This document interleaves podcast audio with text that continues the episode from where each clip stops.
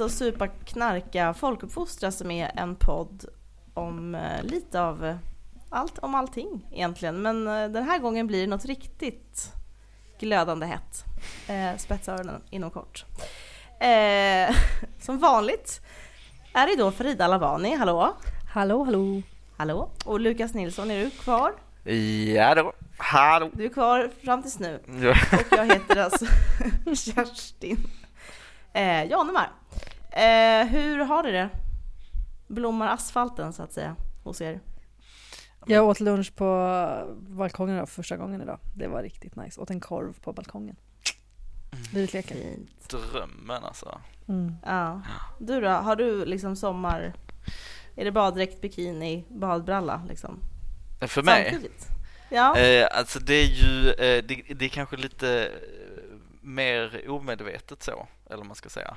Eftersom jag eh, har- glömde min eh, jacka på ett tåg för någon vecka sedan. Jaha! Så att jag liksom lever, jag lever nu i sommaren eftersom jag inte Ja. har en jacka.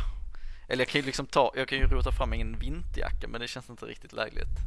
Så Nej. Att, så att, så att, Och du har bara två jackor såklart. ja, men, Vår, eller, ja, sommar och vinter. jag har en annan jacka jag skulle kunna plocka fram som Ja. eh, inte, in, inte stå, kla, skulle klara liksom eh, uppmärksamhet, eller vad ska man säga? skulle kunna leva upp som till inte vad skulle, den förväntar. skulle inte leva upp till förväntningarna som jag har på det rent modemässigt. Eh, Men jag hade ju förberett några roliga startfrågor här, men jag tänkte ändå att eh, just det här med jackan är intressant. Vilken typ av jackbärare man är. mhm. Och, och då är det intressant att börja med liksom en genus på det här. Alltså motsatt genus, Eh, helt oifrågasättande. För det finns ju de här killarna som har liksom jackan som en skrynklad liksom eh, korv bara. I ett grepp så här. Är du en av de killarna? Hur de håller i det menar du? Ja, de håller i den som att, i mitten på jackan som att det är en kasse typ. Och så går man, Känner ni till de killarna? ja men jag, jag har en sån jacka. Det är ju min, Som du håller... det är ju min sommarjacka som jag tror har kanske skrynklats ihop lite väl mycket och nu eh, är på Ja. utgående. Okej, så du, man kan se dig skrynkla liksom. Men, på sommaren, juni, juli, Mm. augusti, det är ju skrynkeltiden. Ja, Ja. du knyter inte runt midjan liksom. Nej, inte sedan, Ingen gör det inte längre. sedan 1999 tror jag. Men Det var den sista sidan, gången jag gjorde det. Ja, men si, ja just det, sidan, sidan var ju coolt det har där jag ett tag. Och sen så man Nej. kan ju också göra över axlarna men då känner man sig lite som att man äger en segelbåt. Lite för mycket Ja, men också lite äldre kanske. Ja, jag vet inte. Eller mycket fashion tycker jag över det. Man måste ha liksom Ja. chinos och en pikétröja om man ska göra det liksom. Mm, men det är mycket ängslighet i hur man kan hålla en jacka och det kan berätta väldigt mycket om vad man liksom vad man har där bakom. Mhm, Oj, det här visste inte jag. Känslolivet. Jo. Nu, nu, nu är det ytterligare en faktor i livet som man måste känna osäkerhet kring som jag inte, som Ja, jag ja var besk- liksom befriad från fram till inte knyta, inte lägga i väskan, ha framme, knyta snett Mm. liksom. Men Farida, hur bär du din jacka? När du inte har på den alltså? Häromdagen var jag på väg att faktiskt lägga min jacka över axlarna. Jag, liksom, jag, jag bär med väldigt mycket jackor. Jag är sån här lager på lager person så jag tycker om att ha en jacka och sen en till jacka över den jackan. Och, och så att, så att folk blir Mm. osäkra på, har du tre jackor på dig? Eh, tycker Ja. att det är snyggt. Eh, så skulle jag typ ha eh, två jackor under och sen en tredje jacka över. Liksom bara på Mm. axlarna och bara gå och så kände jag, nej det här är inte jag. Eh, så gjorde inte Nej, jag det det. är känsligt det där med axlarna just, det alltså. och sen så liksom Det är eh, lite Silvia. Ja. Ja men också sen att hålla alltså. jacka typ så här över armen och bara gå känns också fel. Så då är jag hellre Mm. svettig och går med en jacka än att jag liksom håller för det känns sorgligt på något sätt som att man inte har planerat sitt liv eller Nej. jag vet inte. Så jag, jag är hellre svettig med, men Än snygg, och snygg än sorglig och så här Ja. hållandes mer än liksom över armen sådär. Ehm, Mm. Och jag tycker att jacka och skor säger mycket om en person. Ehm, Mm. Så att det Mm. Oj, och nu säger du, nu vet jag inte alls med Lukas är för att har då ingen jacka, han kommer gå runt och vara helt själv. Nej men jag är både liksom jacka och skor är ju otroligt liksom funktionsdrivna för mig. För min ah, skull. okej. Men det är kanske just det det säger också. Här är en snubbe who, är don't, who funktionsdriven. don't give a fuck liksom. He don't give, he, he Ja. even loses it, his jacket. Och då, och då kan man säga att då, är- då är jag så funktionsdriven att till och med den liksom vår höstjacka som ligger uppe på vinden, att jag vägrar använda den. Oj oj oj, då kan ni tänka vad det är för jacka. Mm, Ja, det hade jag. Det kanske vi kan lägga upp på våra sociala medier sen. Just det. följ oss där så att säga. eh, eh, vad... Eh, Man hör stressen i din röst Kerstin. Eh, barn ska hämtas, mat ska lagas. Här kör vi. Håll er kort idag så att säga, ställer upp när ni svarar. Då svarar man ju kortare. Om ni har blivit intervjuade och folk inte vill ska sätta er ner så handlar det om korta svar. Mm -hmm. Mm -hmm. Men jag ser att ni båda sitter väldigt bekvämt vilket gör mig stressad. Ja men jag kan ställa mig upp. Nej, jag, jag tycker du ska sitta ner. Okay. Men idag ska ju vi beröra ett ämne där man ska säga att i alla fall du Lukas har liksom tolkningsföreträde. Just det. Eh, och det handlar om gles och landsbygdsfrågor. Och som storstadsbo, fast jag vill också heller inte identifiera mig som storstadsbo, jag är liksom en förortsperson. Men det, det, förorten ingår i storstaden vill jag bara vara väldigt okay. tydlig med. Men då, det här kan vi kommentera senare. Du kan gå till en mataffär Kerstin. The record. Det, verkligen... det, kan jag göra, men frågan är om det är glesbygd som Lukas egentligen är uppbyggd i. Uppbyggd i. Uppbyggd? Eller om det är, är uppbyggd där. Eh, nej, menar, Landsbygden made this body. Känner du både för liksom, båda uttrycken landsbygd och glesbygd? Känner du att liksom, du har någonting att, liksom, ditt ursprung där i? Är, är det skillnad på de orden? Nej, men, eh, eh, jag tänker att man kan säga att det finns en absolut definition av landsbygd och glesbygd. Och glesbygd mm. finns ju typ inte ens i Skåne, så den kan vi ju redan räkna ut då. Och då finns ju mm. landsbygd kvar. Och ska vi väl liksom utgå från någon form av typ Jordbruksverkets definition så har jag ju aldrig då bott på landsbygden. Men i, du har. i förhållande, om man tar någon form av relativt mått med de här ja. Stockholms eh, 08 som jag sitter ja. med den här podden i, då, ja. då kan jag berätta allt en, om livet på annat. landet. Ett och annat ja. om traktorer och eh, affärer som är stängda och eh, service som inte finns och så vidare. Mm. Men hur är det, du bor ju inte kvar där i alla fall? Nej, jag bor i stan nu. Varför flyttar du? Uh, ja, det urbaniseringen tror jag. Nej, jag vet inte. Nej, men uh, jag... Det var en trend som startade på 1900-talet. Jag ja. flyttade för att jag tror egent, egentligen har jag aldrig varit en storstadsmänniska, men uh, jag bor i Malmö nu. Men mm. Eh, jag tror att det finns liksom en allmän föreställan om att när man är i en viss ålder så ska man dra sig mot städerna och eh, jag bara okritiskt liksom ställt mig i leden Haka där. på? Ja. ja. Man kan ju också göra flera beslut i ett liv. Det kan man. Och jag tror nog att jag kommer inte vara kvar i storstaden eh, så många år till. Det är mm. bara en tidsfråga. Mm. Mm. För du ska till? Men, jag ska till den relativa landsbygden då. För ibland tänker man att landsbygd, ibland när man pratar om sådana frågor att eh, kan man ju tänka sig hur långt har du till city? Typ en jättestor citystad typ. Just det. Då är ju stora delar av Skåne ändå har väldigt nära mm. till typ Malmö eller Helsingborg Precis. eller vad som helst. Ja, och jag är ju uppväxt Typ i... som att bo i Upplands Väsby och kanske ta pendeln en timme. Precis. Obs, jag vet att det inte tar en timme, men alltså en lång tid i alla fall. Mm. Nej, och jag är ju uppväxt i Hör som ligger liksom mitt ja. i Skåne och det räknas ju rent tekniskt sett då till Stormalmö. Så det är ju inte landsbygdsmiljö mm. då, men det är ju något annat. Det är ju inte storstaden om man säger så. Nej, det, det har vi förstått. Men eh, varför pratar vi då om detta? Farida, du, eh, är du, är du en liksom country girl eller är du en Um, ja, så jag är born in the country, om man säger mm. så.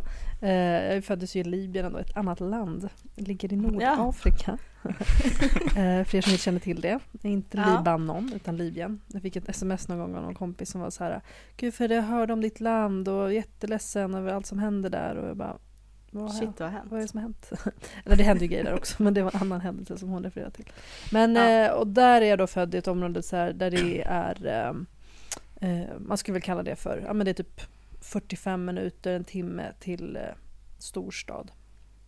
Mm. Eh, och till, eh, men det finns ju Ja, det finns ju skola i närheten ändå och lite affärer och så.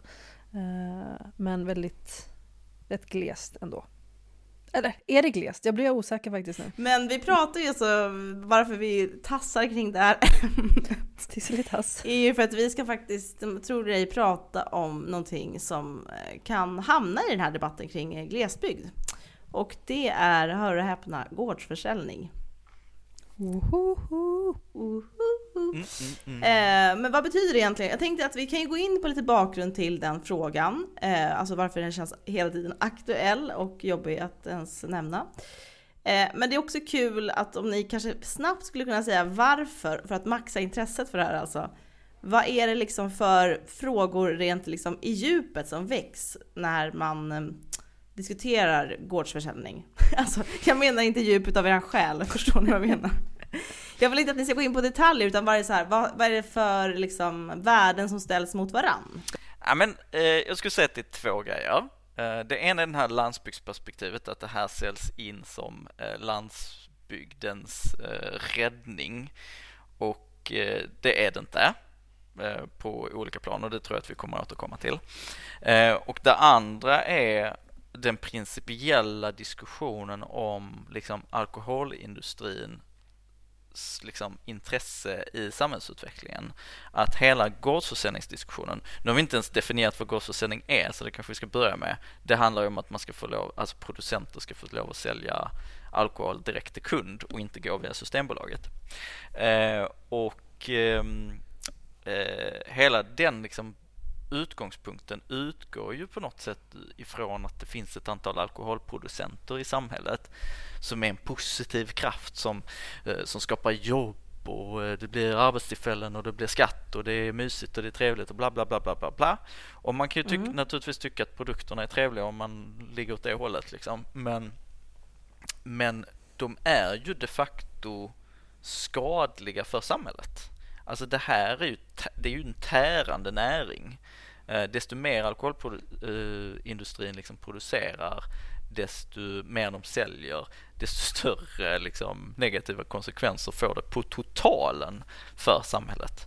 Eh, och det provocerar mig väldigt mycket att vi har liksom politisk diskussion i Sverige som utgår från att alkoholproducenter är ett legitimt liksom, intresse som har en som vilket som helst som vilket som helst som har liksom en positiv mm. kraft för samhällsutvecklingen och det är de ju inte. De är ju liksom the bad guys även om de är småskaliga.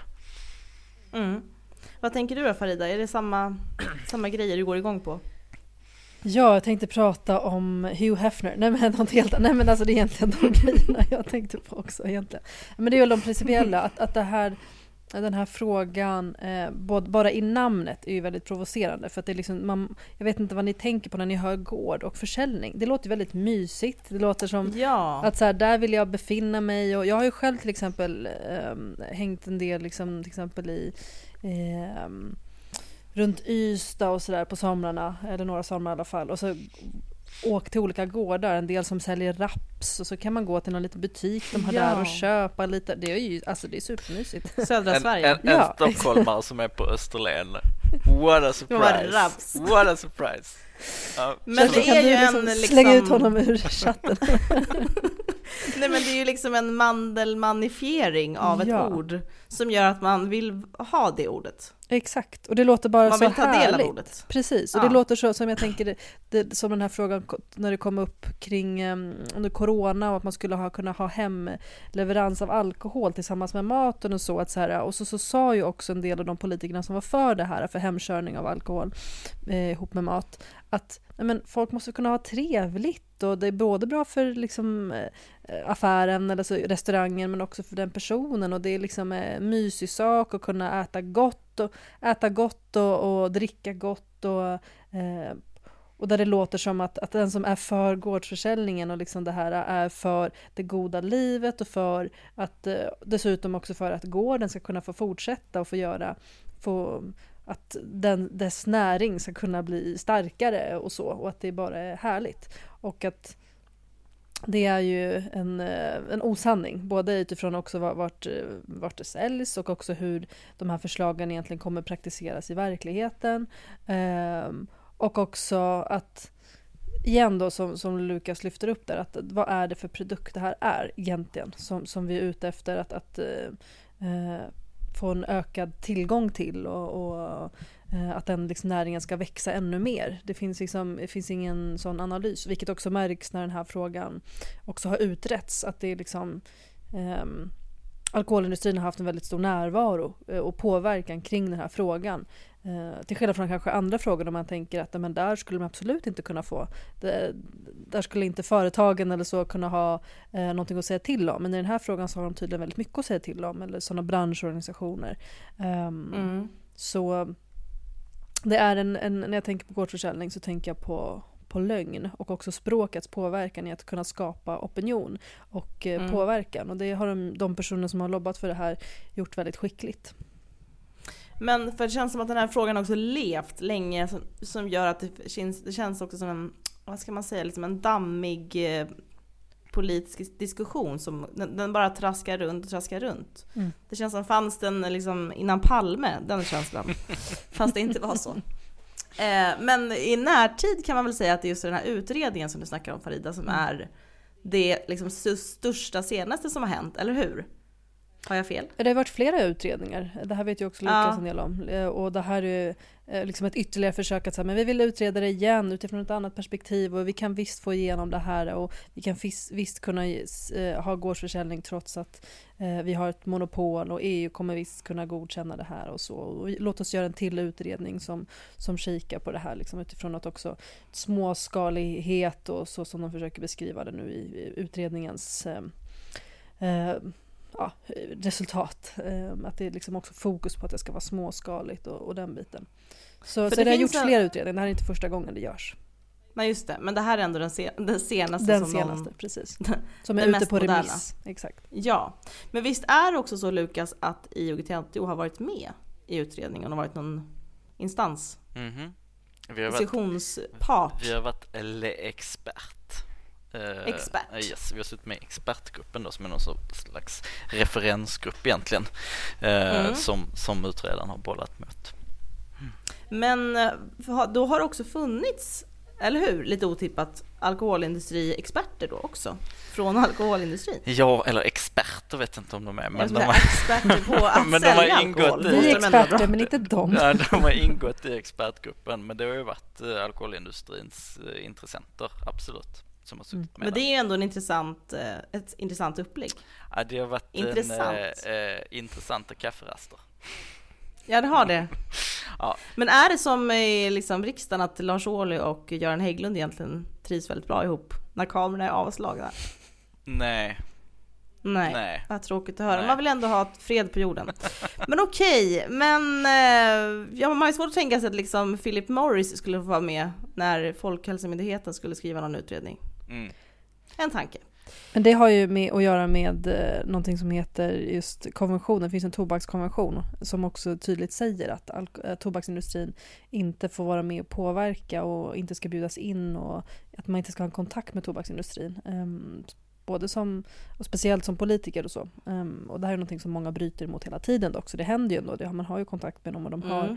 uh, till och med haft, uh, ja, tidigare Folkhälsoinstitutet hade bjudit in um, Swedish Match till något möte och så, vilket var väldigt ifrågasatt. Uh, men det här finns ju, en sån konvention finns ju inte när det gäller alkohol. Och det där är ju superintressant för att, för att det, även om det aldrig funnits en sån uttalad policy i svensk politik så, så har det ju ändå funnits en sån um, konsensus och vi har ju dessutom inte riktigt behövt en sån policy för fram till eh, uh, 90-talet i samband med EU-ingången så var ju också uh, alltså alkoholproduktionen var ju också uh, monopoliserad. Mm. Eh, det glömmer man ofta för ofta så tänker man att liksom, det är Systembolaget som är det monopolet eh, kopplat till alkohol. Mm. Men mm. innan EU-inträdet så hade vi ju fyra alkoholmonopol. Alltså det var ju, eh, på, detaljhandel var ett av dem men man hade också produktionsmonopol till exempel. Mm. Och, så att alkoholindustrin har ju alltid varit liksom en den har funnits med men den har inte liksom haft den här sprängkraften som kommer utifrån en inställning. Att, liksom liksom, ha, att, att, att, vara så liksom kommersialiserad och marknadsdriven. Mm. Och eh, nu är den ju det och eh, det tog ju ett tag för den att liksom växa till sig och mogna till sig. Men nu har den ju liksom jobbat upp politiska kontakter och man har liksom eh, man har massa lobbyister och man har och nu ser vi mm. konsekvenserna av det. Alltså det mm. är ju alkoholindustrin som, som får komma in i finrummet, eh, får sitta på riksdagsseminarium, får eh, eh liksom eh, stå och prata. Gud, så himla fina viner vi har och titta på det här. Utan att liksom få kritiska frågor om vad de här produkterna faktiskt leder till down the line. Men vad tänker ni är, alltså den här utredningen har ändå har fått liksom föreslaget, föres, för, förslaget heter det. Förslaget är väl ändå att gå vidare med att liksom take it to another level om man ska säga så. Ja. Take it, take it to the next base. Exakt, mm. hur många base kan det finnas? Mm. Det frågan. ja, det är ju en tredje utredning, så det är väl tredje gången gillt där. Jätte, hur blir det här nu ja. egentligen?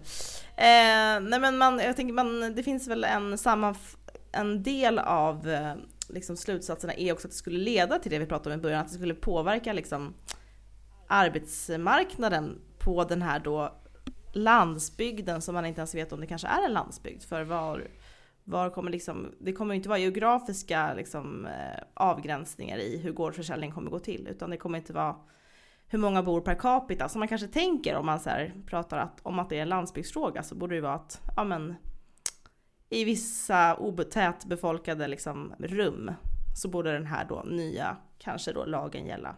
Men så kommer det inte vara. Nej precis, utan det är ju, alltså gårdsförsäljning är ju, eh, det begreppet är ju egentligen århundradets största PR-jippo för vad det handlar om är fabriksförsäljning eller producentförsäljning. Mm. Och, och, majoriteten av alla produktionsställen ligger ju liksom i tätorter. Eh, Plattanförsäljning. så, så det är ju, det är ju, det är ju framförallt handlar ju om öl och spritproducenter eh, i, i städerna liksom. Så, men sen så liksom, och, det, och varje gång man ställer den frågan, alkoholindustrin har till och med uppfunnit ett nytt ord här för någon månad sedan kom jag i kontakt med, för då var man så här, ah, nej men det handlar ju inte egentligen om landsbygden då, utan då säger man att det handlar om landsbygdsnära produktion. Mm. för då har man så räknat ut att majoriteten av producenterna ligger inte på landsbygden men hyfsat nära landsbygden. Just det. Hur kan vi få in landsbygdsordet där på något sätt? Alltså det är så jävla tramsigt. Men det är ju, maj majoriteten ligger ju i tätorterna såklart, så det är ju en ytterst liten minoritet av produktionen och framförallt en ytterst liten del av konsumenterna som kommer liksom befinna sig ute på vingårdar. Liksom. Mm. Men eh, har, har det kommit något motdrag från nykterhetsrörelsen att liksom vilja branda om det? Alltså vi har testat lite olika fabriksförsäljning, eh, producentförsäljning. Eh, mm. Men eftersom liksom gårdsförsäljning är så etablerat nu så har vi lite köpt eh, att okej, okay, men då får vi väl prata om det så att alla är, är överens om att vi pratar om samma sak. Just det. Men det är ju problematiskt eftersom det har ju egentligen nära med gårds, gårdar att göra. Liksom. Garage har jag sett också att ni säger, eller? Vad? Garage. Garageförsäljning. Garage, ja det kan man ju, mm. det, då kan man ju spetsa till det lite. Mm, precis. Ja precis, det känns ju mer som hembränt mm. kanske. Vilket det ju i praktiken är då om det ska vara småskalighet. Ja. Är det någon som är liksom nöjd med den här utredningen tror ni? Mm. Med hur det blev? Kanske utredaren. jag klarade mig. Nej men så här, så jag tror... C-uppsatsen är klar. Jag, ja. jag, eh, jag, jag, tror att alkoholindustrin är jättenöjda. Eh, de har, eh, nu gör de en stor grej av att typ för då finns det liksom vissa begränsningar då, typ hur mycket man får sälja till varje kund, hur stor en, liksom, produktionen får lov att vara, för tanken är att man ska liksom gynna de små producenterna. Så att, så vissa sådana... Det är massa restriktioner? Ja, det är lite ja. restriktioner och, och eh, typ när det får göras och sådana saker liksom. Eh, och de har gått i taket och varit så här, Åh, det här är katastrof, hur kan man liksom bla bla bla bla bla, vi måste minska och sänka kraven och bla bla bla. Jag tror att det där är liksom lite spel för gallerierna för att eh, då blir det en diskussion om det. Så här, ska vi ha, ska vi ha den här gränsen eller inte? Istället för att ha diskussion om ska vi ha liksom gårdsförsäljning överhuvudtaget eller ej. Så jag tror mm. att det mm. där är lite politisk taktik också. Eh, men jag, men jag tror att på stora hela så tycker ju alkoholindustrin att det här är kalas. Ja, men jag tror också det. Jag tror verkligen att det är ett sätt att liksom skifta diskussionen och också um, för det är liksom de reaktioner man har hört att de menar att så här, men det här, vi vill ju eh, vill man inte att, att den här näringen ska växa, varför ska man göra det så begränsat? Och vill man bara att, att jag var med på något sånt seminarium där någon som branschpersonsorganisation var med. Och de, det finns olika branschorganisationer för just öl och vin utvecklare och näringen. Och de tycker lite mm. olika, säger de i alla fall i media. De menar liksom är mer positiva och de andra verkar vara lite mer negativa till det här.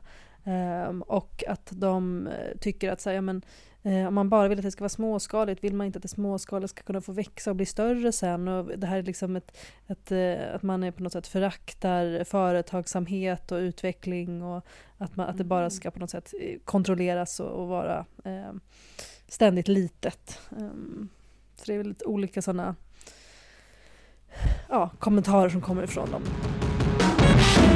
Den här utredningen kom ju också fram till att det här förslaget skulle ha en väldigt liten påverkan på folkhälsan, noterade jag och även ni. Mm. Mm. Och just folkhälsa vet man ju är någonting som Farida, hon går igång. Man, får, man inleder ordet folkhälsa. Så, då är du där Farida. Nej men det är ju intressant oavsett så här, beroende på hur vi pratat tidigare så är det ju så, så, vet man ju vad alkohol har för skadan på samhället i stort och på den enskilda individen eller på liksom i, i storhet så är det ju intressant att eh, benämna det så. Eh, men för att, jag tänkte så här, för att ta det vidare så är det ju också intressant att när man pratar om typ landsbygdsfrågor så kan det ju vara ganska så här eh, alltså hela det här jobbperspektivet eller folkhälsan-perspektivet eller att det finns liksom olika perspektiv som står mot varandra eller olika intressen som står mot varandra. Eh, alltså när man etablerar gruvor till exempel så handlar det om liksom minoritetsfrågor eller kanske folkrätt eller Klimat, liksom eller? historiska Ja, men eller mm. handlar det om eh, olja så är det miljöfrågor, mm. handlar det om, alltså det kan ju bli ganska så här ibland kan ju också ordet landsbygdsfrågor, det är som att hela Sverige nu blir det ju ett vidrigt storstadsperspektiv. Men liksom det är som att hela Sverige tänker att så fort det handlar om någonting som heter landsbygd så känns det liksom mysigare på något sätt. Men oftast de brännande frågorna är ju oftast kring frågor som har väldigt stor påverkan på de som bor där, på de som, på historien, på liksom, ja, ganska smutsiga industrier eller Eh, Eh, väldigt stor inverkan på miljön. Och sen vad, hur det där liksom manövreras fram, det är ju också inte helt lätt eftersom vissa städer vi har i Sverige bygger på industrier också. De hade aldrig funnits annars. Alltså det är också, utan att ta ställning utan, eh, i någon av de frågorna så är det intressant att ändå tänka att folkhälsan skulle kunna också vara en, liksom, ett mjukare intresse om man tänker som eh, folkrätten eller som eh, ett miljöperspektiv eller jämställdhetsperspektiv eller något sånt där. Vad tänker ni att har folkhälsan liksom inte, den har inte seglat upp där? Det är dit jag försöker komma i mitt resonemang. Den är liksom inte en av de här självklara perspektiven. Det låter som att jag är köpt av Farida, men det är jag inte. Nej, men det, är... det är intressant att det liksom är, det är inte lika självklar, det skulle kunna vara en eh, uttalad, ett uttalat perspektiv. Mm, mm på ett sätt som, jag vet inte, det kanske också handlar om, det är ju hemskt om allting handlar om så PR och copy. Att folkhälsa inte låter tillräckligt intressant som liksom andra domedagsord. Mm. Eller vad säger du Farida? Nej men jag tycker att det här är väldigt, eh, väldigt intressant tycker jag faktiskt. För att det, det, är just som du säger här, så vad är det som också, Eh, vilka argument använder man för eh, olika typer av ehm, politiska förslag eller för att förändra saker i samhället? Och speciellt då också just för att utveckla gles och landsbygd eh, som alltid ska göras utifrån. Att så här, här behöver vi utvecklas och därför behöver vi eh, som sagt satsa på, jag stod, såg till exempel en, någon rubrik nu bara från, från miljö och klimatministern som sa att så här, nu har vi minskad arbetslöshet för att vi har eh, satsats på den industriella klimatomväxlingen och sådär. Att det är liksom fler företag då som ska tillverka batterier och sådär bland annat mm. i i norra, norra delen av Sverige, som också då, där, där det är som glesast. Och där kan man verkligen mm. på många, i många delar av just eh, norra delen av Sverige prata om gles och landsbygd på riktigt, till skillnad från Skåne, eh, där det inte är samma problematik. Um, och, och då är ju frågan om hälsa någonting som eh, men det finns, dels finns det liksom, om man också pratar utifrån personer som reagerar, alltså, eh, alltså civilsamhälle och så, så det är inte heller alltid hälsoperspektivet som, som lyfts upp, att, så här, att vilka aktivister, det är inte som att så här, vi är hälsoaktivister, vi anser det här. Det, liksom, den, den, rörelsen har inte kommit än, jag jobbar på det, men vi, vi är inte där än. Det är, det är, man får ju idéer alltså. Man får idéer, det växer verkligen. Ja. Uh, Däremot så ser man ju mer utifrån ett klimatperspektiv. Sen vet man ju dock också att, att det där har ju med varandra att göra. Att så har vi ingen planet att leva på kommer vi inte, alltså då kommer ju också folkhälsan påverkas eller, och sådär. Eh, men det är inte det första som, som lyfts upp som argument. Jag kan ju dock ibland höra det utifrån så här, eh, från ett samiskt perspektiv ibland. Man pratar om, om, om unga och alltså både utifrån en känsla av att man inte är eh, behandlad som en jämlik eh, och eh, också att, att det finns en stor eh, psykisk ohälsa där, där, där unga, eh, samiska unga är liksom oroliga både för klimat och också för, för sin, sin rätt och position i samhället. Det är liksom absolut en, en folkhälsofråga, alltså utifrån det här vem som har eh, om vi pratar om gruvorna som ska byggas och sådär och, att, att och där eh, samer sällan får, får rätt till, till ehm, sina eh, områden och sådär, um, som nu senast.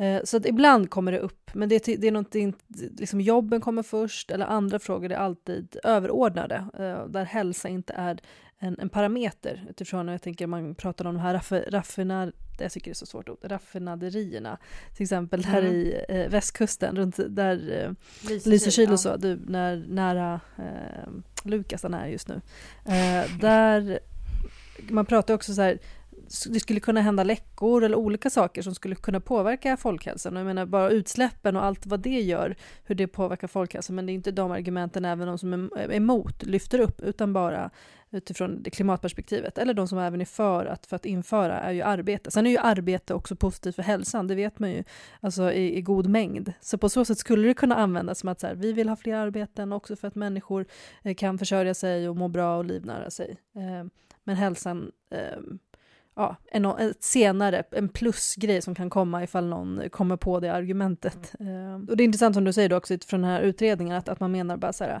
ja ja men och, och folkhälsan det, det, är inte, alltså det är mindre, en, vi ser en mindre påverkan eller risk, att det är som att också sådär, ha vem, om, om man ser en liten risk i alla fall, vart ska den gå någonstans? Vad, vad tänker man då? Att så, ja, men det kanske blir två familjer där vi ser något misshandelsfall eller liksom någon person som kanske dör, men det är liksom bara försumbart. Alltså det, det, mm. det bara, det, det är extremt eh, nonchalant. Eh, och det ser man ju också då på vilken syn, hur man också, vilka man bjudit in och på vilket sätt, alltså vems intresse man har sett till. Det är ju inte folkhälsan eller eh, de svenska liksom, medborgarna eller så, utan det är ju mer av ett, ett ekonomiskt intresse skulle jag säga som har kommit in där. Får du några tankar kring det, Lukas? Som folkhälsoaktivister? Upp på barrikaderna för eh, neutrala förpackningar på alkohol. Nej men eh, alltså, Limmar fast sig på flaskor eller Nej men det är så här, eh, man kan ju se det Folkhälsa i sig själv låter ju som det tråkigaste ordet ever, tycker i alla fall jag. Det är min personliga uppfattning. Mm, du har rätt i det. Ja. jag är ju tolkningsföreträdare idag, det har vi ju redan ja. bestämt. Så ja, men jag förstår, jag förstår, jag håller med dig. Ja. Nej, men, eh, så att, men däremot så det som folkhälsan egentligen innebär när man liksom ger sig in i sakpolitiken är ju viktig. Men utmaningen är ju ofta att eh, det, det är för abstrakt och det är för stort. Alltså vem som helst som tittar på alkoholfrågan Eh, kan ju tycka, alltså om man bara tittar på den rationella faktiska statistiken kring hur mycket skador som orsakas, kostnaderna, sjukdomar, dödsfall, social misär, bla bla bla bla bla bla bla. Allt det där. Tittar man på de här siffrorna så, så blir man ju, och jämför det med en massa andra samhällsproblem som vi har. Då kan man ju bli så här, var, varför i helvete händer det ingenting? Mm. Men det är ju för att det är för abstrakt, vi har tagit det för givet, det är liksom ingen som ifrågasätter. Så när till exempel den här utredningen då kommer fram till att jag tror de kommer fram till att det är mellan 7 och 14 fler dödsfall om året eh, förutsatt att inte verksamheten också innebär då att Systembolaget skulle falla som konsekvens. Bla, bla, bla, bla, bla, bla. Det där kan vi kanske prata om senare. Men, men de säger förslaget i sin liksom i sin begränsade form och förutsatt att inte liksom fler aktörer kommer in så att säga innebär 7 till 14 fler dödsfall per år och det är försumbara mängder. I mm. vilket annat liksom, politikområde hade man tittat på 7 till 14 fler dödsfall och varit så här, ah, försumbart. 7 till 14 fler dödsfall i trafiken, ah, försumbart. 7 till 14 mm. fler dödliga skjutningar varje år, ah, försumbart. Men det är ju för att de dödsfallen är mycket, mycket mer konkreta. Det är liksom, det är någon som mm. står där med en pistol och skjuter mm. på någon annan och, och mm. sen så blir det skriverier och så blir det liksom du, du, du, du. Medans, ett lagfört brott på något sätt. Ja, man... precis. Medan mm. 7-14 fler dödsfall i, i alkohol, det är, det är någon eh, misshandel som eh, liksom eh, blev till dråp på, på mm. fyllan. Det är någon, eh, någon som får ett cancer, cancerfall, det är en leversjukdom, det är en drunkningsolycka, bla bla bla. Där alkoholen är liksom en bidragande och kanske den liksom utväxlande orsaken men det kommer inte liksom stå i dödscertifikatet alltid alkohol. Alltså förstår du? Så att, Nej, just det. Dödsorsak. Så att det är ju, för dödsorsaken var ju drunkning men anledningen till att man drunknade var för mm. att man var full. Liksom. Alltså mm. så. så, att, mm. så att, eh, och att det liksom, det, det, det är liksom för avancerade händelsekedjor och det gör att man kan faktiskt och jag håller med eh, Frida, det är extremt jävla arrogant av utredaren och liksom säga att det här är försumbara konsekvenser. Det är mm. försumbart mm. i förhållande till de totala konsekvenserna som alkoholen orsakar varje år. Men det är ju för att de skadorna är fucking gigantiska liksom. Mm. Så att det är mm. ju, på så vis blir ju alla förändringar nästan försumbara. Mm. Alltså, har vi en applåd på det eller? Jag kör en ja men verkligen, bara preach. preach, preach boy! Verkligen. Preach to the choir! What choir? Men det är intressant med Systembolaget tänker jag, som också ändå är en institution som man tänker är en evighetsapparat. I alla fall som liksom eh, genomsnittlig svenne tror jag tänker det. Men va, hur tänker ni att liksom, vad blir Systembolagets roll i det här? Alltså både, jag tänker det blir en annan typ av, oj Lukas? Oj! Du ser spänd ut. Nej, jag bara satt och tänkte, för det finns ett långt och komplicerat och ganska tråkigt svar. Ja, ta det snabba och roliga först. Snabba och roliga blir ju att eh, det blir inte mycket till monopol kvar om, om man inte längre har ett monopol. För definitionen av ett monopol är för att, att man har ensamrätt. Det sker på en plats. Det, ja. det, sker, mm. det är en aktör som har ensamrätt och vad man gör här är att man släpper upp flera aktörer att sälja. Så då finns det inget alkoholmonopol kvar. Punkt. Farida, kan du ta det långa? Nej, jag bara. Jag kan, jag kan göra en annan, alltså någon annan person som håller på lite med alkoholförsäljning som jag såg häromdagen, mm. som fick en fråga på, på Instagram. Jag som alltid representerar ungdomarna här och sociala medier. Jag har en röst från liksom, verkligheten. Du har uh, sett det på nätet? Ja. Precis, och den personen fick en fråga som jag printscreenade på min dator. Uh, ska jag mm. läsa, får jag läsa upp den lite? Ja. Så här, vad, vad uh, hon tyckte om det här med alkoholförsäljning. Ska vi bara se här. Kan vi, kan vi bara ge mig någon sekund här så att jag hittar den? Men det är också kul att prata om marknadsföring tänker jag. Vad det innebär helt plötsligt. Det, det, det måste sätta marknadsföringen en helt annan dager. Mm. Man måste ju ändå marknadsföra sig om man ska sälja då sin, från sin fabrik eller från garage eller från sin gård. Nej men verkligen, och det är alltså så här. Eh, och tillsynen inte minst. Får jag dra en parallell Kerstin? Ja. Medan Farida letar efter ja. sin Ja, jag hittade den, men kör. Jag, jag, den, jag, jag tror att uh, hela den här diskussionen kring gårdsförsäljning som vi har just nu, den påminner extremt mycket, alltså verkligen, det är en karbonkopia från uh, friskolediskussionen på 90-talet. Mm -hmm. uh, för det var ju liksom... I was not there. Det, nej, det var väl ingen av oss riktigt, men om man läste in lite i efterhand. Så här, uh, där var ju liksom hela diskussionen där var vi ska släppa in föräldrakooperativ och liksom idéburna aktörer och liksom idealister och andra människor. Mulle. M ja. Alltså mulle och liksom, ah, sådär. Mm. Eh, de ska få komma in, de ska få bedriva liksom friskolor och det är jättemysigt och, och det blir jättebra liksom. Eh, och så var alla med på tåget tyckte yes, det blir kul. Eh, och eh, så tog det liksom några år och sen så började liksom riskkapitalet komma in och bara fan här kan man ju tjäna pengar och så bildades de här mm. gigantiska eh, friskolekoncernerna och du, du, du, du, och nu har vi en så kallad marknadsskola med eh, väldigt mycket liksom riskkapital inne för att tjäna pengar på, på elever. Och jag lägger liksom ingen värdering i om det var bra eller dåligt eller men det är ju många som är missnöjda nu. Det är många som alltså, är missnöjda oavsett nu. Politisk läger. O, oavsett mm. politisk läger. Men det finns också de som tycker att det är bra. Så att jag lägger ingen mm. värdering i det. Parallellen är väl snarare kring att så här, det var ingen som egentligen såg det här komma på 90-talet utan på 90-talet så snackar man om föräldrakooperativ och ideella föreningar och liksom småskalighet. Och vad pratar man mm. gårdsförsäljning nu? Jo, man pratar småskalighet, landsbygd, eh, liksom de små aktörerna. Puttinutt. Puttinuttigt, mm. det är gulligt, det är små gårdar. Men vad man öppnar upp är, man öppnar ju upp den här flodvågen som är det kommersiella intresset, vinstintresset direkt mot slutkund som kommer liksom göra att det kommer, helt plötsligt så kommer det finnas incitament för alkoholindustrin att börja tänja på gränserna, börja lobba för att ta bort regleringar, börja liksom man öppnar ju upp en flodvåg eh, där mm, man tidigare ja. sagt så här, nej, vi har monopol, det ska inte finnas vinstintresse representerat i försäljningen av alkohol till direkt till kund och den flod... Eh, det kommer balla ur? Det, det kommer, alltså, eh, så här, det, Säg att Systembolaget ändå mirakulöst uh, finns kvar efter gårdsförsäljning, då kommer inte konsekvenserna av det här komma liksom på ett eller två års sikt. Då kommer mm. de komma om 10-20 år när liksom den här har spelat ut sin gång på något sätt. Jag, jag hade ett samtal igår om, om eh, kopplat till cannabis och uh, brottslighet och våldsbrott och då just beskrev det tillsammans med en polis som var med som har forskat lite på det här och han just beskrev att så här, han är inte för en legalisering eller avkriminalisering. Han berättar just liksom att Alltså redan idag har vi väldigt stort, eh, som vi också har till exempel med alkohol, vi har väldigt stor, vi har stor efterfrågan men också väldigt stort utbud. Eh, skulle man liksom göra det ännu lättare för att få tag på ännu mer så har man liksom väldigt mycket mer och eh, alltså det är svårt att bromsa. Han beskrev det liksom att det, det är lätt att eh, kanske införa men det är väldigt svårt att backa och, och, och ångra sig och gå tillbaka mm. till någonting annat.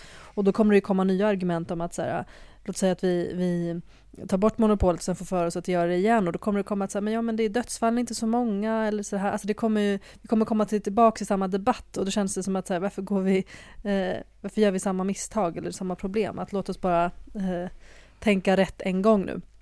Nej, men, men det, det, det, det, klassiska, jag, bara, jag får bara snabbt säga, ja. det klassiska kring det är ju, där finns ju ett antal partipolitiska ungdomsförbund som driver eh, driver legalisering av cannabis då. Mm. Och då är ju argumentet alltid så här, Ja, ja, men vi ska göra det ansvarsfullt så det ska in på Systembolaget. Så här, in, in med cannabis på Systembolaget. men sen driver alla de här partipolitiska ungdomsförbunden driver också avveckling av Systembolaget för det är paternalistiskt och uh, man får ta ansvar för sig själv gällande alkohol. Och det visar liksom på den här attitydglidningen som, som sker mm. efterhand, ja, som man gör, ja, efterhand som mm. man gör saker liksom mer och mer tillgängligt och mer och mer ja. normaliserat på något sätt. Och deras barn kommer liksom fightas för att så varför kan vi inte ha det överallt, bara på ICA eller ja. kunna sälja själv? Fan, liksom, så man att kan det... väl få röka på vad man vill liksom. Ja. Man köper det ja. var som helst. Mm. Jag hittade det här citatet, vill ni höra lite, lite citat? Men bara, yes. Den här personen då är liksom en liten influencer kring eh, vin och sådär. Eh, Kerstin känner till personen. Ja. Eh, men i alla fall, och så fick och, den här personen en fråga, typ så här, vad tycker du om, um, om alkoholmonopolet? Så eh, det här är också en person som själv eh, säljer eh, vin till, liksom, man kan beställa hem från henne. Eh, oj, nu sa jag könet. I alla fall. Eh, så, står det så, här, så sa han så här, Stå lite kluven, bra i en sak, eh, kanske med en reglerad, eh, reglerade öppettider och så vidare. Men nu finns det ju andra sätt att handla, så att kan tycka att det känns lite mossigt. Typ att man inte kan köpa kylda drycker, det vore ju trevligt. Svårt att se att en alkoholist skulle bli peppad på att köpa om det, om det kom kallt till exempel. Observera, har ej tolkningsföreträde här och kan inte veta 100%. Sen är, typ, eh, sen är det ju typ 10 personer i Sverige som styr allt som kommer in på fasta hyllorna. Alltså hyllorna på Systembolaget som, mm. som det är fast utbud. Mm. Kanske eh, breddar de den grejen lite. Vore kul med eh, bra fasta saker på den här fasta hyllan. Um, Och så säger de så här, men jag svävar iväg lite. Content, eh, content eh, det är att ha monopol, men det handlar ju om eh, vin. Eh, men gud vad jag inte kan läsa, vad står det? För att alltså, folk Nej, det är ju på... meningar. Det är bara att köra. Kontentan, det är eh, ett monopol. Content. Sa du content? Jag bara tänkte att jag Du är skulle... för ung. Kontentan! Vi måste ha åldersgräns för att delta på de här poddsamtalen. Kerstin, du får klippa. Kontentan. Det är ju ett monopol, men man kan ju handla vin hem till dörren utan problem nu ändå. Ehm, Så det här är liksom en röst från industrin och från folket och influencer och content creator eh, om Alla alkoholmonopolet. eh, Som vill ha mer kylt och tycker att det är mossigt med alkoholmonopolet. Och att man kan ju ändå köpa hem det, så vad fyller det egentligen för funktion? Jag vet inte, vad tänker du där, Lukas? Vad det fyller för funktion? Om man ändå kan köpa hem det nu Mm. och det är så enkelt att få tag på och på andra sätt än bara Systembolaget. Nej, och det, jag och det är ju jätte, alltså så här, vi har ju ändå haft ett antal decennier här där Systembolaget hela tiden liksom blivit mer och mer tillmötesgående. För tidsandan är så här, oh, allting ska finnas tillgängligt 24-7, bla bla bla bla bla bla bla. Och då har man liksom, man har öppnat upp för hemleverans och självskanning och man har fler butiker och da da da da da da. Och det får naturligtvis konsekvenser. ehm, och jag, jag, i- från min position så försöker jag ju alltid liksom ligga på Systembolaget och påminna dem om att så här, ja, det är ju trevligt att folk tycker att ni eh, eh, har ett, tillmötesgående. ett tillmötesgående, men eh, det är inte ett jobb att vara hur jävla tillmötesgående som helst. Det är liksom Mm. snart tvärtom. Ett jobb är att begränsa den där tillgängligheten så, så mycket som möjligt. Men det är väl liksom också lite så att vad ska man göra utifrån tidsandan? Ehm, Mm. Tillgänglighet är ju liksom, vi förväntar oss tillgänglighet på ett helt annat sätt. Men det som är den stora skillnaden faktiskt från Systembolaget gentemot andra aktörer det är just att det inte finns ett vinstintresse. Det finns inget incitament till att sälja mer. Eh, Mm. Det finns inget incitament till liksom nej men mer försäljning eller tänja på åldersgränser eller sälja till någon som inte borde säljas till och, och så vidare och så vidare och så vidare. Ehm, och det eh, tror jag har en, en eh, ganska eh, besyn eller liksom tydlig effekt, kanske inte liksom från dag ett till, alltså skulle man avreglera så tror jag inte man skulle se den effekten från liksom ena natten till den andra. Eh, men på sikt så skapar det liksom en, en hälsosam attityd till eh, dels hos liksom den enskilda kunden Eh, vad alkohol är och liksom en respekt för, för varan, att det är inte vilken vara som helst och att man kan se det. Men också eh, en, en, en, en, en förståelse för hur den transaktionen ska gå till. Liksom att eh, vi vill inte ha köp tre, betala för två liksom erbjudanden när det kommer till alkohol. En grej. Eh, Vi, vi ska ha Svenska Sällskapet tillsammans med UTNTO eh, och eh, bjuder in organisationen Hela Sverige ska leva. Ehm, Mm. Och en sak som den organisationen då har gjort, för Hela Sverige ska leva, som då är en organisation som når ut till, till eh, gles och landsbygd, eller som ska vara rösten för gles och landsbygden, ehm, är ju att det finns ju inte bara gårdsförsäljningsutredningen som är en utredning, det har ju funnits andra utredningar genom tiden. Och bland annat så har det ju funnits en, eh, en eh, utredning som just handlar om så här landsbygdsutveckling, liksom en, en landsbygdsutredning. Mm. gjordes 2017. För reformer liksom. Ja. Precis, vad kan man göra för att utveckla landsbygden? Och det har de gått igenom och de liksom har skrivit en, en rapport om det som just heter typ landsbygdsutredningen. Eh, av 75 förslag är det tre som är genomförda. Mm. Alltså att man har liksom utrett och så. Så om man nu är intresserad för, av, av, om man ser då gårdsförsäljningsfrågan som någonting som är för gles och landsbygden så kan man ju samtidigt titta på den här eh, landsbygdsutredningen där jag menar, eh, alkoholmonopolet eller gårdsförsäljning nämns inte någon gång. Det är liksom inte det som är räddningen för gles och landsbygd. Det är ju liksom många andra, många andra förslag som presenteras som då fortfarande inte, där det inte har hänt någonting. Om man är intresserad av utvecklingen för gles och landsbygd. Alltså det är utifrån olika kategorier. Man pratar om näringsliv och företagande, hur har det gått där med sådana mål som är kopplat till det, om sam samhällsplanering och bostadsbyggande som är enorma frågor för, för gles och landsbygden, för dess liksom, överlevnad och utveckling. Um, samhällsservice och bo, eh, ja, precis. Eh, kommersiell service, välfärdstjänster eller kultur, eh, statens närvaro till exempel med olika myndigheter eller så är jätteviktigt för att så här, känna att, att man är en del av hela och inte bara någonting som man bara kanske ja, kommer med timmer och så går ändå vinsterna någon annanstans och man bara arbetar för någon annan stads utveckling men inte för sin egen. Ehm, och även civilsamhället är en del av, av, av den utredningen. Så jag tycker det är intressant, alltså ifall man är intresserad av, av gles och landsbygdens utveckling så kan man ju titta på, På, riktigt. på riktigt och vilka förslag som, som kan finnas, alltifrån Mm. eh, kultur och sådana saker också som är väldigt viktiga. Så finns det eh, den här rapporten som är väldigt ja, men, eh, välgjord där de försöker gå igenom hur, hur, vad är det de säger att de ska göra och hur egentligen, vad har det gått med det? Eh, och som sagt, bara tre eh, av de här målen då i alla fall ha, hade genomförts. Så det är väldigt Jag mycket såg kvar att att göra. ett genomfört var snabbare internet. Ja, bredband är ju, liksom Mm. är en väldigt viktig fråga. Det märkte man Mm. också under liksom, eh, pandemin nu att det är, ja, alla är inte med. Nej. Ehm, Så det kommer ju upp ibland från, från någon minister där som man aldrig syns men ibland kommer han fram och pratar om internet.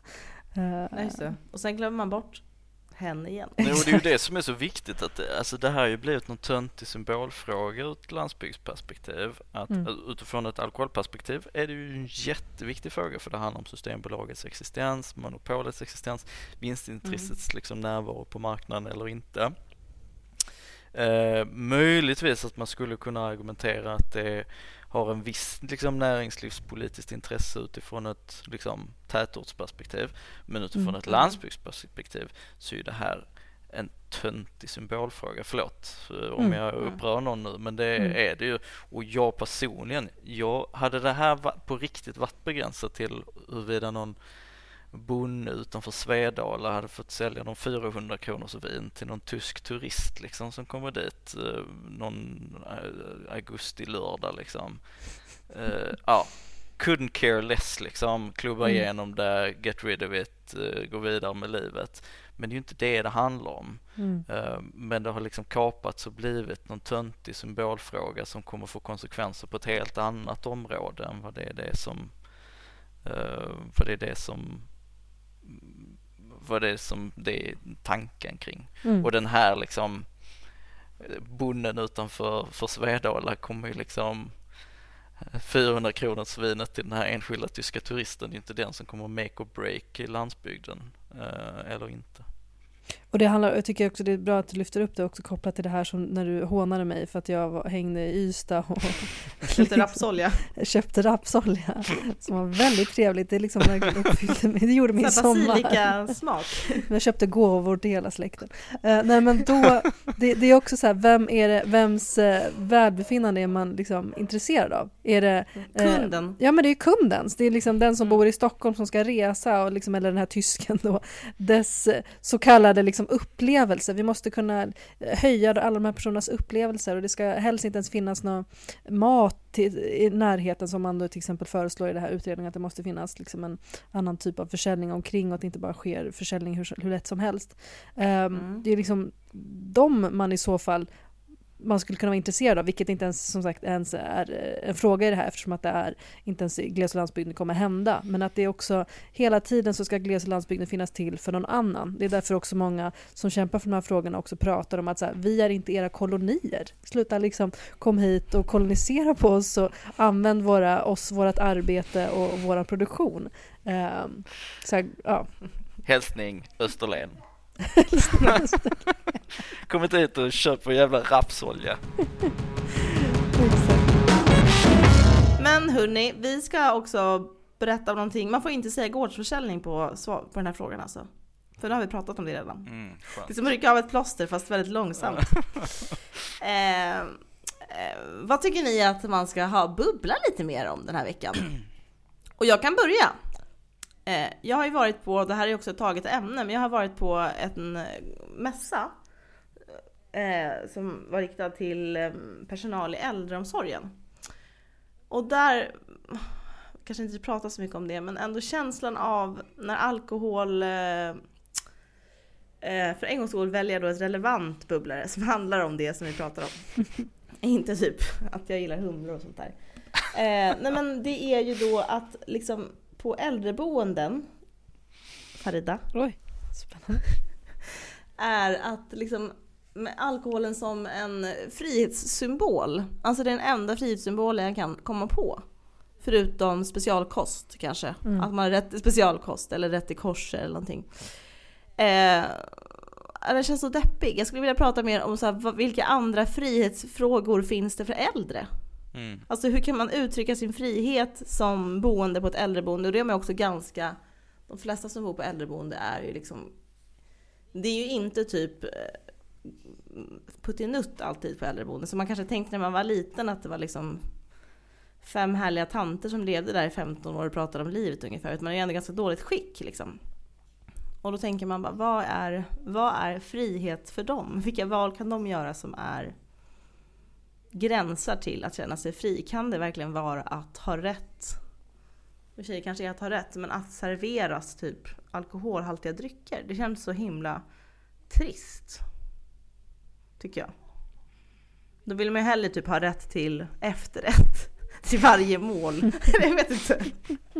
men någon annan rolig frihet som bara Ja, du får göra någonting som, ja, men jag vet inte, någonting som man aldrig fick göra som i sitt levande liv. Bara så här vältra sig i någonting. Jag vet inte.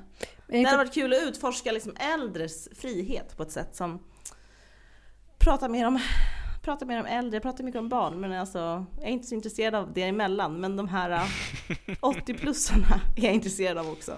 8 minus och 8, 80 plus. 80 plus, Ja. där har- finns mina intressesfärer. Ja. Nej men eh, det skulle jag vilja prata mer om. Och jag skickar vidare bollen.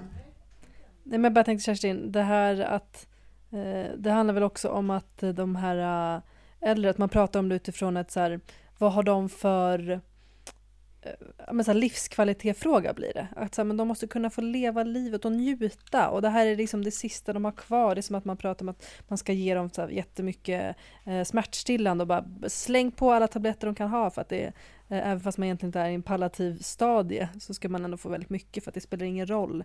Eh, alltså dels kanske synen på äldre men också att det finns väldigt fler saker som kan symbolisera livskvalitet, vilket vi också märker i samhället att det är där vi har fastnat, att, att alkohol är så starkt förknippat med det där lilla extra som man också Det hört kan också lite vara sen- cigaretter liksom. kan vara cigaretter, eller man hör ju så om typ den här mamma-debatten om mamma och alkohol. Att så här, Ja. men det här är liksom den här lilla guldkanten jag har på min vardag när jag inte behöver Me amma time. eller vara liksom, vara fastklistrad på mitt barn. Jag måste kunna göra något annat och liksom bara, ja. Ehm, så det är, ja, bra bubblare. Mm, du, du löd mitt ord redan på en gång. Verkligen. Har ni något eh, som ni vill bubbla om?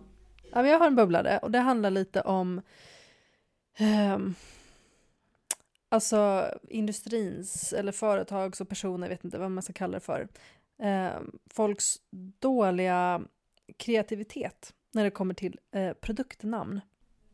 Mhm. Mm. Jag får, man får ju så här olika så här, namn som, eller så här, en mängd olika re- reklam eh, eftersom att jag är på sociala medier och liksom lever, Mm. är i samhället, ser namn eh, på nya produkter framför mig. Senast idag såg jag någon ny produkt som, som har kommit, nu kanske det har blivit som reklam men ja, det får väl vara det. Eh, Mm. men då är det en ny, eh, ny eh, ölprodukt, ljuslager då, som heter Ey bro! Hey bro. Ursäkta. Hur töntigt är inte det? Jag vet. Hey bro! Alltså vad är det för grej? Eh, lockar det någon? Har de gjort någon så här kund, någon så här referensgrupp som de har kollat med? Jag som tror bara, typ att det kan locka någon. ja, men, och, det, och det är det jag också samtidigt tror. Men det är, Mm. vi är så töntiga som människor. Eh, att vi liksom går på. Vi tror att vi är häftiga och sen så märker man bara vi är bara töntarnas töntar. En annan Mm. är ju då Jens eh, Lapidius. Som Mm. också har släppt ett eh, eh, viner och kava. Snabba. Sn- Mm. Vad tänker man så här, men vad ska han, vad ska det heta då då? Ja, det heter Snabba Cash. Ja, det heter Snabba Mm. Cash. Ja, hans vin heter Snabba Cash. Och så här, kava. Bara, Jaha! ja, bara snälla Jens heta jobba snabba, en snabb vända kava. till. Snabb Ja kava. exakt, precis. exakt. I samma, bara i samma, samma liksom typografi. Mm. Ja men bara, kan du inte jobba lite bättre om du ändå ska liksom sälja dig själv till djävulen? Ska du inte göra det lite snyggare? Med klass. lite mer klass. Men, men, men det är ju liksom så himla, alltså jag håller med, alltså det är också så här att hade det inte varit en alkoholdryck så hade man inte kunnat komma undan med Ey bro. Och Mm. ha det som varumärke. Men Ja. eftersom öl redan är så här, "Åh, det är lite cool lite, Något annat. lite wow, och man kan vara lite ironic och bla bla bla. bla. Alltså det, man, man spyr ju bara lite i munnen. Men också det här, det kanske jag, nu måste jag erkänna att, ja, ni också säkert, men jag ännu mer än alla andra kanske, är ju inte rätt person för liksom trendspana på det här. Men just att kava har blivit så jävla stort. Mm. Och man bara så här, fanns det ens för typ fem år sedan? Men nu är det så här, fan alltså. det är lätt att säga liksom. Alltså jag var på valborg och fan varenda jävla sällskap kom ju med en flaska kava. Mm. Mm. Ingen drack någonting annat än kava. Man bara, vad fan, vad, vad, liksom, och det här var liksom inte några high roller människor precis, utan det här var lite så här alternativa. Mm. Eh, Jag tror, det finns, jag tror det finns många typ WhatsApp och Messenger-trådar som har typ rubrik typ Kava-tjejerna, Ja. Kava-gänget, Alltså- Kava, Torsdagskava. Kom igen jag liksom. folket, kan vi liksom, är- kan vi sluta vara så som att- töntiga liksom i våra trender? Ja, men man, det är något annat som är, alltså det är som en ny eh, grund, ett grund, grundämne. Alltså att det är så här, det finns sprit, det finns vin, det finns Kava. kava. Alltså att det är liksom, det, man behöver liksom, och då är det kul att använda det. Men är det, är inte, förlåt min okunnighet här, men är inte kava bara typ någon form av uh, bubbel? Alltså lite champagneaktigt liksom. Mm. Alltså det är ju Men inte det, ens det nytt. kommer inte från champagne så det är lite billigare. Nej men, det- uh, Så den som har lobbat det har gjorts bra. Jag vill bara lägga till, jag såg en annan alkoholreklam idag. Och det är ju, finns en kändis som heter Cameron Diaz. Hon är inte så känd längre kanske, men folk vet vem hon är.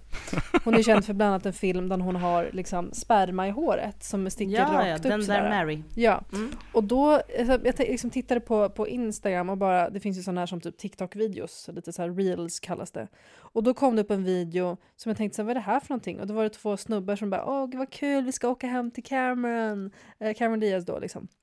Och så, bara, så filmar han sitt knä och bara, är det sjukt att komma med hennes egna produkter hem till henne? Liksom. Och bara, nej, det är inte konstigt liksom.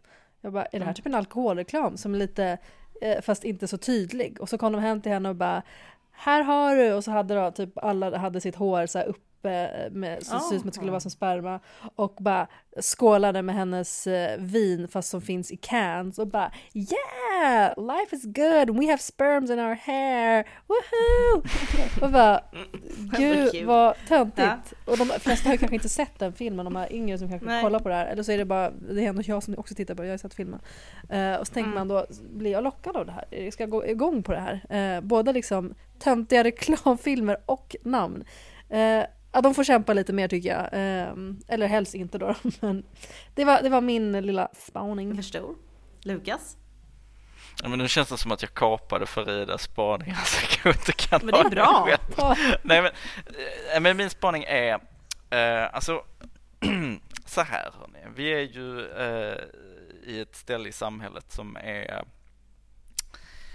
inte på ett bra ställe rent eh, zeitgeistmässigt på många sätt. Alltså så här, Mm. folk är ganska deppiga kring eh, framtids, alltså det är krig och det är klimatkris och demokratin är på eh, tillbakatryckning och det är Mm. rasism och det är bla bla bla bla bla bla bla.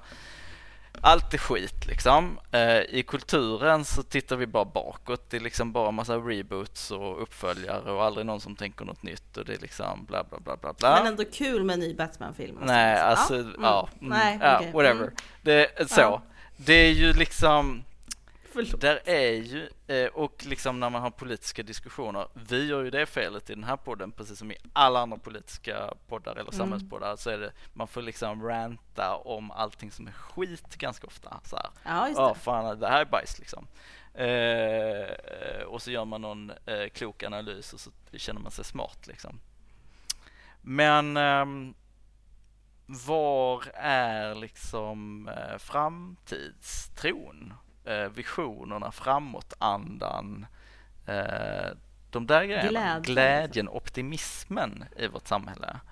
Och Mm. då hade jag det här samtalet på ett, eh, jag var på ett seminarium för några veckor sedan och då var det en person där som myntade begreppet eh, Oj, nu tappar jag det här. Eh, Vad fan var det nu?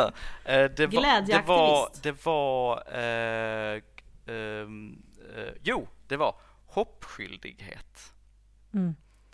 Att som och då, då pratar vi utifrån liksom civilsamhällets roll och idéburna organisationers roll. Men jag tror att man kan applicera det lite bredare också. Att jag tror att liksom varje människa och varje organisation har en hoppskyldighet. Mm. Att varje gång man liksom bajsar på någonting så bör, bör man också liksom försöka prata om det som kan vara framtiden. Mm. Att liksom inspirera och ge hopp till en annan utveckling än den vi nu ser. En ljus framtid. Ja, men jag, jag var med på det seminariet och hörde också det hoppskyddet. Just det! Och jag tyckte det var så fint. Jag tyckte att det var verkligen, um, ja det borde man använda sig av mer. Mm allas våran hoppskyldighet. Att inte bara vara pessimister, vilket verkar vara lite coolare att vara lite så negativ. Ja. Alla ska vara lite så här, ah, palla med allt, oh, vi lever bara en gång. Det är också den här YOLO kommer lite från det, att säga bara whatever. Det är ändå, världen kommer ändå brinna upp om en kvart, så att låt oss bara liksom ta, skjuta så mycket grejer i armhålan som vi kan. Liksom. Kanske inte armhålan. Nej men det är, ju, det, är ju, det är ju som A-bro. Mm. Det är ju Exakt. liksom, det, det, är ju coolt att vara cynisk. Det borde ju mm. fan vara coolt. Eller borde vara, det är ju fan töntigt att vara cynisk hörni. Eh, nästa gång pratar vi eh, framtid. Det ser jag fram emot. Framåt, framåt, framåt, Så är man inte med? ja men vi säger så då, en ljus framtid. Hej då! Hej! Hej, hej, hej, hej, hej, hej, hej, hej. Tack och hej, vi ses!